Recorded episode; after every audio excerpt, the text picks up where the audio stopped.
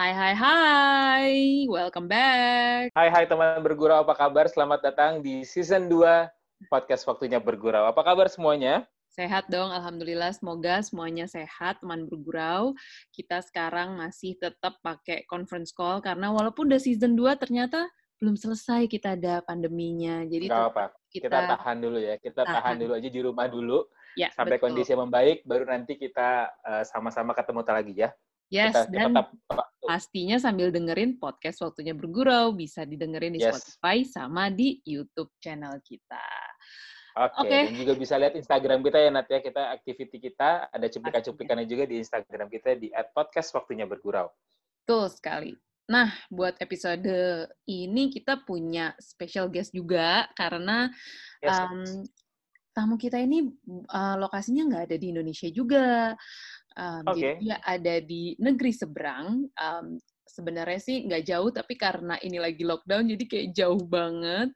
Dan kita okay. lah akan ngebahas hal-hal yang membuat kita juga um, bugar, kita membuat um, imun tubuh kita jadi lebih uh, baik lagi, apalagi dalam keadaan pandemi gini penting banget ya, Dak, buat ningkatin imun tubuh kita. Gitu. Yes. Jadi kita akan bahas ngobrol-ngobrol sama bintang tamu kita hari ini ya, Nat ya.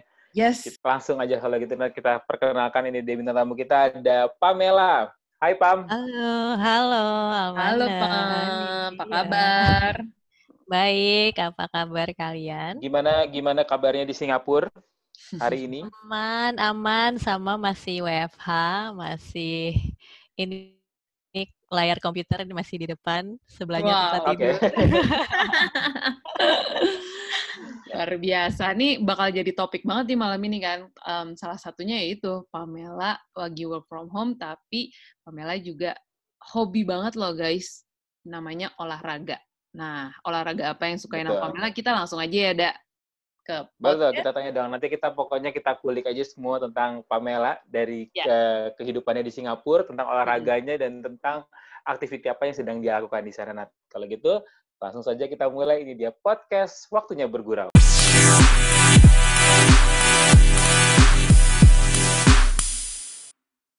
Oke, mari kita mulai saja episode ini dengan pertama pasti teman-teman berdua pengen tahu dong lebih dekat lagi Pamela ini sekarang di Singapura lebih tepatnya kerja di mana dan um, udah berapa lama di Singapura? Kayaknya dia udah bertahun-tahun sih, tapi um, Pamela aja deh yang cerita. Silakan Pam. Silakan Pam. Oke, okay. uh, iya jadi uh, gue udah di Singapura selama enam tahun dari uh, 2014. Ya? Iya ternyata time flies. Mm -mm. Uh, awalnya pengen stay di sini untuk satu tahun doang, tapi ternyata terus-terus sampai sekarang dan kemungkinan akan lanjut uh, kerja di biro arsitektur uh, namanya Hassel. Mm -hmm. uh, job desk gue uh, sebagai sebagai uh, design strategist. Jadi uh, backgroundnya memang arsitektur, uh, terus uh, kuliah bareng dulu sama Anin, uh, lebih ke real estate, tapi uh, abis itu malah balik lagi ke dunia desain dan arsitektur. Mm. Awalnya lebih ke judulnya workplace strategy, uh, dan itu sebetulnya awalnya kenapa gue ke Singapura karena waktu itu belum banyak posisi itu di Indonesia. Hmm. Jadi pilihannya antara gue balik ke dunia arsitektur atau hmm. uh, mencoba dunia properti masuk ke developer. Tapi waktu itu akhirnya dapat posisi di Singapura awalnya dengan company namanya Moser, tapi uh, sekarang uh, dua tahun belakangan gue kerja di Hassel, hmm. uh, Australian-based firm dan uh, lebih banyak scope-nya lebih luas karena uh, design strategy itu kayak um, interpreting clients requirements mm-hmm. untuk mm-hmm. jadi brief uh, architectural atau masih workplace juga kadang-kadang tapi mm-hmm. cakupannya jadi lebih besar sih. Oke, okay, berarti emang um, target customer pertama ya Pamela itu um, apa enterprise gitu ya. Terus gue langsung kebayang mm-hmm pasti kerjaannya lembur-lembur terus deh, Pak. Betul, baru gue juga mau nanya gitu sih. Jam kerjanya kayak apa ya, Pak? Bisa kalau udah kalau udah ngebahas customer B2B tuh pasti, wah ini luar biasa nih, requirement pasti banyak banget. Tapi pasti um, sering lembur ya, Pam ya? Uh, yes and no sih, uh, tergantung proyeknya. Uh, awalnya sebetulnya terjun ke dunia uh, strategi atau itu sebetulnya kayak UX-nya architecture kan. Mm-hmm. Uh, dan uh, kalau belajar arsitektur sebetulnya ada bagian namanya programming di mana kita harus tahu gimana caranya translate uh, apa yang dibutuhkan oleh klien. Samalah kayak konsultan pada umumnya kan. Mm-hmm. Uh, cuman um, akhirnya uh, awalnya saya kira oh nggak bakal lembur banyak nih kalau jadi di strategis karena cuma bikin requirement ya nggak perlu bikin modeling, nggak perlu bikin yeah. layout, ntar yang layout hmm. ya desainer sama arsiteknya. Ada lainnya. Tapi hmm. ya sam, uh, pada akhirnya sebetulnya pekerjaannya agak uh, uh, gray area sih karena hmm. background gue juga ada desainnya jadi kadang tetap uh, influence ke desain lagi. Jadi hmm. uh, work and work life balance iya uh, uh, lembur uh, iya kalau proyeknya demanding. Hmm, oke, okay, hmm. oke, okay. interesting ya. Tapi uh, seru banget, seru banget. Tapi uh, apa, emang sebelumnya nih uh, Pam ya, sebelum memutuskan untuk uh, kerja di Singapura, emang sudah ditargetkan mau kerja di sana atau memang pas kebetulan dapatnya di sana aja gitu? Sampai akhirnya betah nih enam tahun ada di Singapura. Gitu. Iya, enggak sih awalnya awalnya pengen balik sih, pengen balik ke Indo karena sebet, hmm. sebelum itu mencoba untuk stay lebih lama di Belanda tapi uh, hmm. dunia konstruksi waktu itu lagi susah ya. Hmm. Jadi akhirnya hmm. balik ke Indo, mikir oh ya udah pulang deh, uh, mungkin belajar di developer hmm. Indo kan uh, proyeknya besar-besar, uh, atau bisa iya atau bisa masuk ke hospitality. Hmm. Tapi uh, entah kenapa uh, uh, dapat yang di Singapura ini karena waktu itu juga jujur aja udah mulai aduh uh, butuh uang nih ya udah mulai kerja lagi harus mulai kerja lagi ya uang jadi uang, uh, uang. uh, terus uh, ya kesempatannya waktu itu uh, dapat di sini jujur aja waktu itu hmm. soalnya uh, kompetisi di Indonesia juga nggak semudah itu karena banyak banget orang-orang yang punya portfolio bagus punya background pendidikan dan pengalaman bagus jadi yeah. ekspektasi ekspektasi orang di Indonesia sebenarnya juga cukup tinggi ya. Tinggi uh, iya iya. Ya dan kebetulan uh, role yang gue cari yang gue pengen juga agak niche dan waktu di Indo itu belum terlalu banyak. Jadi hmm. begitu dapet posisi ini gue pikir ah ya udah deh uh, ambil yang ini aja. Sebetulnya ada hmm. kesempatan untuk balik arsitektur tapi kayaknya yang ini aja deh lebih lebih baru gitu Ya. Uh, dan akhirnya itu yang gue ambil sih. Jadi bukan Singapura in particular sih. Berarti banyak juga ya pertimbangannya, baik itu um, dari sisi uh, role-nya, terus udah gitu um, function-nya juga, sampai akhirnya uh, lokasi kerjanya ternyata ya ada di Singapura gitu ya, Pam ya. Mm -hmm. Nah, uh, kerja di Singapura itu kan um, ya apa namanya gue dulu sempat juga kerja di Singapura dan yeah. uh, banyak ya budaya-budaya di Singapura yang budaya kerjanya apalagi gitu kan. Nah uh, tiap orang punya ceritanya beda-beda gitu. Nah Pamela ini udah enam tahun pasti punya cerita uh, yang berbeda juga di uh, kerja di Singapura itu seperti apa. Mungkin bisa diceritain kalau um, selama ini tuh udah enam tahun dan berarti udah udah uh, ada beberapa perusahaan ya sempat kerja di sana. Mungkin bisa di share ke teman bergurau apa sih budaya kerja di Singapura tuh kayak gimana sih? Hmm, uh, budaya kerja di Singapura dibandingin di Indo yang pasti lebih straightforward. Yeah. Ya. Uh, hierarki itu lebih lebih nggak terlalu banyak ya seba, se, dibandingkan di Indo. Misalnya dari hal-hal kecil kayak manggil orang yang lebih tua nggak perlu pakai pak atau bu ya kan. Yeah. Tapi um, ada uh, subculture lagi sih sebetulnya karena Singapura kan melting pot international hmm. melting pot ya dan hmm. mereka hmm. cukup open dan uh, kayaknya nggak bisa survive tanpa negara-negara di sekitarnya jadi uh, hmm. dan kebetulan uh, gue kerja uh, walaupun udah di dua company yang berbeda tapi dua-duanya bukan local based firm uh, dan hmm. di situ ada perbedaan juga uh, kalau yang di lokal mereka uh, masih ada culture Asianya atau lebih uh, lebih hierarchical atau uh, antara uh, different levels. Uh, tapi kalau di company yang kebetulan gue kerja, dua-duanya cukup flat. Jadi kayak mm -hmm. semua orang harus speak out their mind. Jadi uh, culture-nya lumayan beda. Tapi begitu kita ketemu klien, uh, kerasa sih uh, gimana cara kita navigate sama company yang international, kayak misalnya kerja sama siapa HSBC, for instance, atau uh, dibandingin kerja sama uh, local government di sini, uh, karena ya satu constraints-nya mereka dan uh, uh, priority-nya juga beda ya.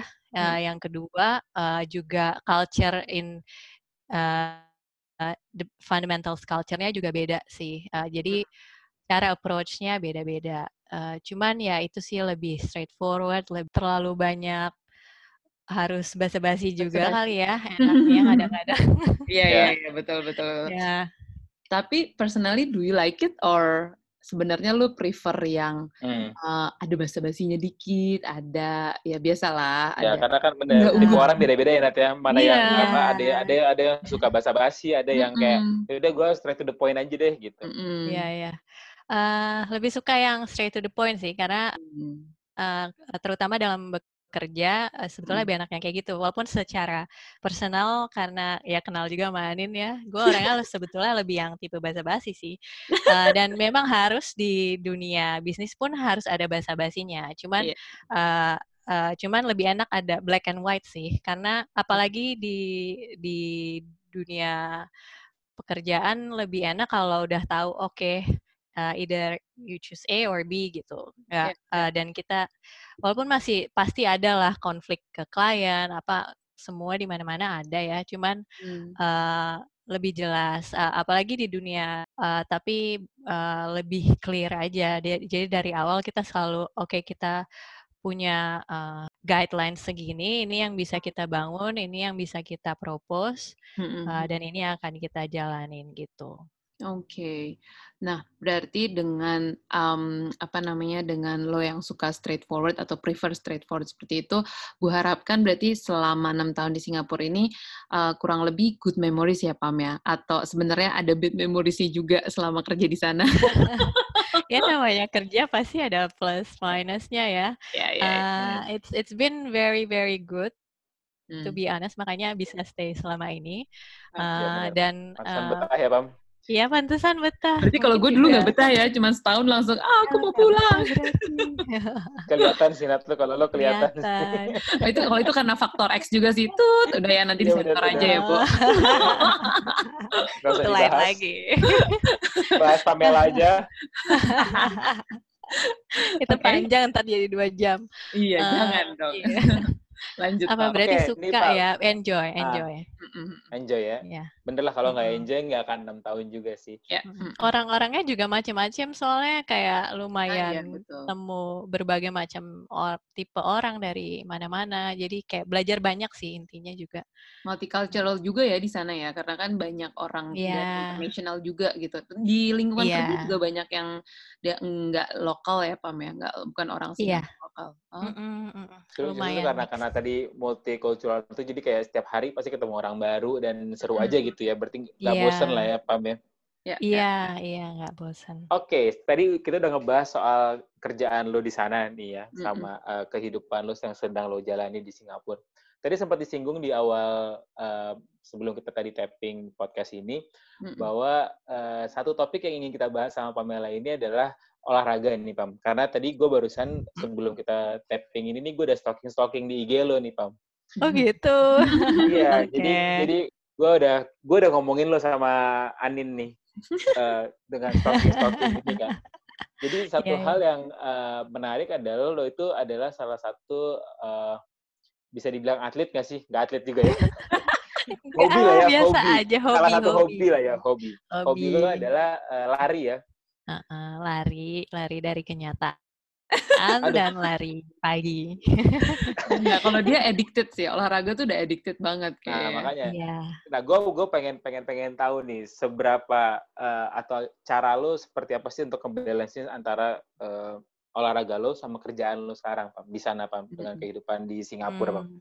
Karena kan tadi lo uh, bilang tadi kerjanya waktunya uh, kadang lembur atau seperti apa. Jadi ada nggak sih bisa di-share nggak ke teman bergurau Mm-mm. cara ngebalance ini gimana sih antara kerja sama olahraga yang lo lakuin? Hmm. Um, Kalau olahraga itu ini sih pasti kayak disempetin juga kalau lagi sibuk. Kadang ada saat-saat di mana uh, frekuensi olahraganya berkurang. Dan tiap orang kayaknya punya waktu timingnya sendiri-sendiri ya. Kayak gue iya. lumayan morning person, jadi uh, lebih suka uh, olahraga pagi sebelum mulai kerja gitu. Apalagi dengan hmm. WFH ini sebetulnya uh, punya ritme kayak gitu lumayan membantu sih, either mau pagi atau sore ya. Yeah. Karena hmm. lo bisa either spare time buat bangun uh, atau terus mulai siap-siap atau lo punya waktu untuk stop kerja, let's say jam 6 gue mau lari atau mau sepeda atau mau apa pun, uh, hmm. itu jadi bantu kita untuk uh, punya ritme gitu di terutama di WFH ini sih menurut gue lumayan ngaruh banget. Udah berapa uh, lama sih WFH-nya kalau untuk untuk di sana? Uh, dari Maret ya, jadi sama ya iya, kira-kira ya, Maret hmm. uh, akhir Maret April uh, kurang hampir lebih sama. Udah enam bulan berarti ya Pam ya? Iya enam bulan. Dan Jadi kayaknya, udah udah ketemu ritmenya tadi ya berarti ya dari mm -mm. udah enam bulan berjalan nih lo punya ritmenya udah tahu nih ya bangun pagi jam berapa, olahraga jam berapa, kerja jam berapa gitu ya? Iya iya banget. Uh, untungnya di sini uh, cukup gampang gitu untuk cari tempat apalagi buat kita yang biasa dengan traffic Jakarta gitu. Um, menurut gue di Singapura ya cukup light, apalagi kalau orang sini ya, aduh macet gitu. Menurut gue ya biasa hmm. aja. Uh, dan lari di pinggir jalan nggak se nggak se berat di Jakarta sih, to be honest. Dan hmm. banyak uh, garden-garden di apa ya, ya, istilah ya. park connector ya, uh, sama lah. Hmm tapi berarti di sana tuh walaupun udaranya lembab kan tuh Singapura kan sebenarnya um, panas sih sepanas sama kayak di Jakarta. Tapi hmm. gue nggak tahu sih, gue nggak kebayang kalau pagi-pagi karena kalau di sana gue uh, bangun kayaknya selalu siang ya. Tapi kalau misalnya pagi mungkin tetap seger ya Pam ya, nggak nggak se panas kalau udah siang kan kayak udah kering banget tuh kalau di sana. Iya, makanya gue lebih prefer pagi atau ya sekalian malam uh, sebelum sunset hmm. uh, menjelang sunset gitu. Soalnya begitu pagi abis jam 8 tuh mataharinya lu Mungkin sama kayak di Indo kali ya? Sama lah ya, bersama. Iya, iya, iya. 11 12 sih. Cuman Berarti di sini ya lebih humid. Lu mulai selalu jam berapa tuh? Jam 7 atau eh udah kesiangan ya jam 6 atau? Tergantung. Iya, tergantung bisa bangunnya sih, tapi rata-rata jam 6 uh, jam 6 pagi. Wow, lumayan wow. juga ya. Berarti di sini udah, udah jam 5, Dak. Iya, soalnya di sini kan sunrise-nya lebih siang. Jadi gue bisa bangun jam 6 tapi belum sunrise gitu. Iya iya iya iya di sana jam 6-nya juga masih agak gelap ya. Tapi aman kan Pam di sana kalau lo lari-lari sendiri gitu. Um, apa aman. namanya sampai ke uh, park gitu kan. Aman sih aman. Paling ya gue takutnya emang nggak bisa dilihat, tapi aman kok. itu itu sebenarnya jadi topik salah satu tuh. Apakah uh, ada yang nggak bisa dilihat juga di luar negeri ada ya? uh, tapi sebenarnya uh, eh, gue masih penasaran sih kan lo sukanya lari tapi gue lihat lo juga suka sepedahan nih Pam ya. Maksudnya hmm. dan kadang lo juga suka apa namanya cross training juga gitu. Jadi kadang tuh gue kalau kalau ngelihat Instagram update-nya Pamela tuh luar biasa banget. Uh, dia bisa melakukan olahraga apa pun dan kadang dia pernah yoga di lo tau gak sih Marina Bay Sands tuh kan ada si kayak yeah, yeah. apa apa sih sungainya itu kan. Nah dia pernah ikutan yoga yang uh, flow gitu. Ya kan Pam Oh, apa ya? Oh, udah lama di Marina Baras ya? Udah lama iya, iya, iya, iya, iya. Dan dan Berarti itu, tadi bener dong gue statement kalau lo atlet tuh sebenarnya bener sih, Pam. Bener. kalau menurut gue bener karena, karena emang dia tuh bukan cuman bukan cuman uh, lari doang. Dia suka uh, semuanya gitu. Yoga iya. Tapi berarti berarti nih, berarti satu pertanyaan buat lo deh, Pam. Mm -mm. Apa sih arti olahraga buat lo, Pam? Mm -mm. Uh, Ngasih energi banget sih. Soalnya gue ngerasa apalagi kalau lagi sibuk banget, uh, terus nggak sempat hmm. olahraga, rasanya lebih lebih nggak enak badannya. Mungkin karena udah terbiasa ya. Udah terbiasa. Kayak hmm. uh, uh, jadi kayak ada yang kurang gitu. Sama uh, ketagihan kali ya, bener ya? Iya, bener bener bener. Rasanya ada yang aneh gitu. Iya. Tapi yeah. lu jadi tiap hari nih sekarang frekuensinya atau uh, dengan pandemi gini lu jadi agak membatasi atau gimana nih?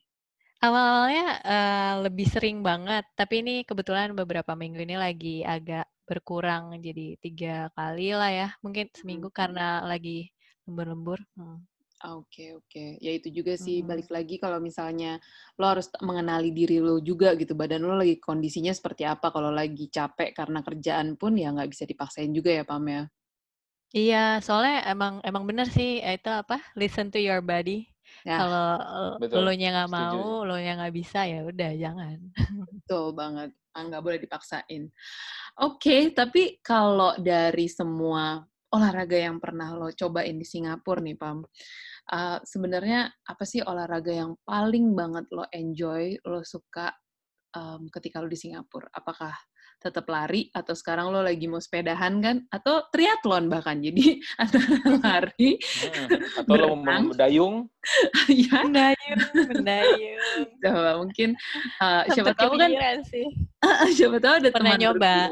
oh pernah nyoba juga? Wah luar biasa kan dak bener-bener semuanya dia coba. Dragon Boat. Tapi kalau yang paddling gue belum belum uh, pernah di Bali malah Cuman uh, ya olahraga lari emang tetap paling suka. Hmm. Uh, sepedahan uh, belakangan ini makin sering sen kayak sama kali ya di Indo juga lagi hits sekarang kan ya, sejak hits. sejak pandemi. Ya, sepedahan tuh enaknya kena angin sih. uh, orangnya uh, uh, en enak uh, terus bisa lihat uh, uh, jarak jauh uh, apa jalan-jalan jarak jauh tanpa harus cepat-cepat hmm. uh, dan uh, ketemu rute-rute yang baru jadi sen, uh, serunya sepeda di situ sih kayak lihat oh tempat-tempat yang beda gitu terus uh, dan gue emang sukanya out, uh, orang yang suka outdoor dan nature jadi uh, hmm. Uh, outdoor uh, lebih preferable sih. Uh. Tadi kan lo sempat bilang bahwa banyak uh, lo datang ke daerah-daerah yang uh, jauh-jauh gitu ya mm-hmm. di Singapura gitu ya. Ada nggak sih daerah yang lo ini baru ketemu sekali, baru lewat sekali, tapi lo udah kayak langsung ini bagus banget sih. Mungkin yang yang belum belum diketahui publik dari Singapura gitu, Pam. Ya, ya, betul. Uh, di Singapura yang seru kalau buat jalan yang mungkin orang jarang yang kalau lagi liburan uh, mungkin kayak Bukit Timah atau McRitchie kali ya kalau yang buat uh, area di dalam city. Oh, Tapi McRitchie kalau McRitchie ya atau kan yang ada jembatannya gitu. Oh, belum uh, baru dengar gue itu di daerah mana, Pak? Iya. Itu di daerah uh, di mana ya? Dekat ke Bukit Timah, dek, uh, dekat oh. Bukit Timah sih dia nyambung-nyambung terus. Soalnya Ani ini taunya cuma dari Somerset ke Takashimaya, dia hafalnya gitu yeah, itu. Paling ya ya. Paling uh, jauh-jauhnya ke Bugis ya kan ini. Kagak ke Botanic Garden yeah, lah. Betul, Botanic Garden. Botanic, Botanic Garden. Garden emang seru banget. Uh -uh. Uh, dan uh, langsung begitu masuk ke dalam kan rasanya kayak jauh lebih adem dari di luar. Mm -hmm. uh, terus uh, yang seru sih pas kemarin sepedahan sempat uh, ke Woodlands ya. Jadi ada kayak apa ya namanya Woodlands uh, bukan konektor. Jadi sebelum uh, kalau nyebrang Jadi dari Singapura ke, ke dari Singapura ke Johor itu bukan sih kalau Ya, ke Johor baru benar benar. Jadi ya. ada daerah perumahannya yang bisa uh, ada jem, ada jembatan ngelihat ke Johor barunya itu. Jadi kita sepedahan sampai situ, terus uh, muter-muter ada lagi namanya Sungai Buloh. Oh. Uh. Singapura saking kecilnya kalau lo sepedahan cuman perlu 120 km. Iya, gue kemarin juga ngeliat temen gue tuh yang di Singapura habis kelar muterin Singapura dan lu juga udah pernah ngelakuin itu. Menarik, berarti jangan lupa tuh buat teman bergurau yang lagi uh, tinggal di sana atau yang lagi mungkin lagi liburan ke sana terus mungkin bisa nyewa sepeda dan bisa ke woodland, ke beberapa tempat yang tadi Pamela sebutin ya, Pam ya. Mm-mm. Atau oh. sudah direncanakan nih nanti begitu uh, si lockdown atau si kita sudah kembali normal langsung ke sana ya. Iya dong, pastinya. Oke nih Pam, dari tadi kayak kita udah ngobrol-ngobrol panjang lebar, bahas tentang olahraga, bahas tentang kerjaan. Um, kayaknya sih memang nggak akan ada habisnya ya, apalagi da dari kondisi yang pandemi kayak gini, pasti kita pengen banget nih dapat um, tips and trick dari um, Pamela, dari teman-teman semua yang alhamdulillah kita semua masih dikasih sehat. Mungkin um, satu pertanyaan terakhir nih untuk penutup aja um, karena durasi juga kan ya. Jadi kita mm-hmm. coba tutup dengan satu pertanyaan. Um, kan Pamela sekarang udah di Singapura dan udah mendapatkan um, apa namanya udah dapat treatmentnya juga selama enam bulan WFH ini untuk olahraga. Nah tapi boleh nggak sih kasih tips and trick biar buat teman-teman bergurau yang mungkin dia di luar negeri tinggalnya, pasti kan dia harus mengalami homesick juga, stres juga karena tinggal di negeri orang sendiri. Tapi lo harus tetap produktif, terus lo harus mikirin kesehatan. Um, apa sih yang harus ada di mindsetnya tuh supaya oke, okay, gue harus olahraga supaya sehat atau gimana gitu. Biar gue berenergi atau apa pun lah mungkin Pamela bisa ceritain. Eh, nggak uh, usah terlalu dipikirin aja sih. Hopefully ini cuma sementara ya kita nggak bisa pulang untuk yeah. saat ini. Uh, walaupun memang ya salah satu alasan kenapa Singapura ya karena nggak terlalu jauh dari keluarga juga kan. Mm -hmm. uh, tapi kayak sekarang ya kita nggak bisa pulang ya uh, untungnya ada teknologi bisa Zoom call, bisa telepon yeah. WhatsApp, uh, dan semoga yang uh, masih merantau punya teman-teman baik di sana juga, jadi bisa sharing sama mereka. Kayaknya penting banget buat tetap uh, sosialisasi sih selama uh, uh, kalau buat yang lockdown atau WFH, yeah. uh, semoga masih bisa keluar ya. Tapi yang belum, yang nggak bisa ya uh, coba olahraga di rumah karena emang membantu banget sih kayak yoga atau uh, kalau misalnya nggak bisa keluar rumah ya yoga atau uh, hit training di rumah tuh lumayan ngebantu. Karena kalau kita uh, olahraga kayak ada endorfinnya juga kan, kayak Betul ngasih uh, semangat uh, dan ha happiness juga. Uh, dan kalau bisa olahraga keluar, mm -hmm. uh, ngirup udara segar dibandingin apa ruang tertutup gitu kan, uh, ya lebih lebih sehat juga dan um, salah satu yang bikin gue senang lari itu adalah ngeliat ya kayak uh, matahari pagi, ngelihat pohon-pohon, ya itu hmm. lumayan bikin refreshing sih dan bersyukur aja karena masih sehat, masih dikasih uh, semuanya uh, cukup lah. Jadi ya itu sih uh, mungkin yang bikin bertahan sampai sekarang. Luar biasa, wise banget ya, Dak ya. Kita harus banyak-banyak bersyukur. Okay. Harus banyak-banyak bersyukur dan terus positive thinking. Intinya itu sih. Dan terus olahraga ya pastinya. Iya. Ntar ketagihan. Karena kan apa dengan dengan olahraga kan kita justru di kondisi sekarang ini meningkatkan imunitas kita juga. Iya, ya. betul. Pastinya, Tapi kalau mau lose kan? weight lebih banyak lebih ini ke makanan sih. Olahraga buka lebih ke kesehatan sih menurut gua. Ya, baik baik Bu Pamela, saya akan laksanakan itu Bu Pamela. Penting banget nih buat kita berdua ya, Dak, buat lose weight. Oke, okay, kalau begitu Oke, okay, kalau gitu Pam terima kasih sekali lagi yeah, udah ngobrol-ngobrol bareng kita di episode kali ini di season 2-nya podcast waktunya bergurau nih ya Nat ya. Ya, betul banget. Alhamdulillah kita udah masuk ke season 2 dan tetap season 2 ini juga kita akan mendatangkan bintang tamu-bintang tamu yang akan sangat membuat inspirasi juga buat teman-teman dan salah satunya ya Pamela ini kita dapat inspirasi untuk tetap olahraga, untuk tetap produktif selama kita masih WFH ataupun kita uh, lockdown seperti ini. Jadi buat teman-teman yang um, sudah mendengarkan, kita ucapkan terima kasih banyak. Kalau misalnya yes. ada saran, kritik, ataupun masukan nih buat bintang tamu yang bisa kita undang juga, kita welcome banget. Silakan langsung DM kita ke Instagram kita, at podcast, waktunya bergurau.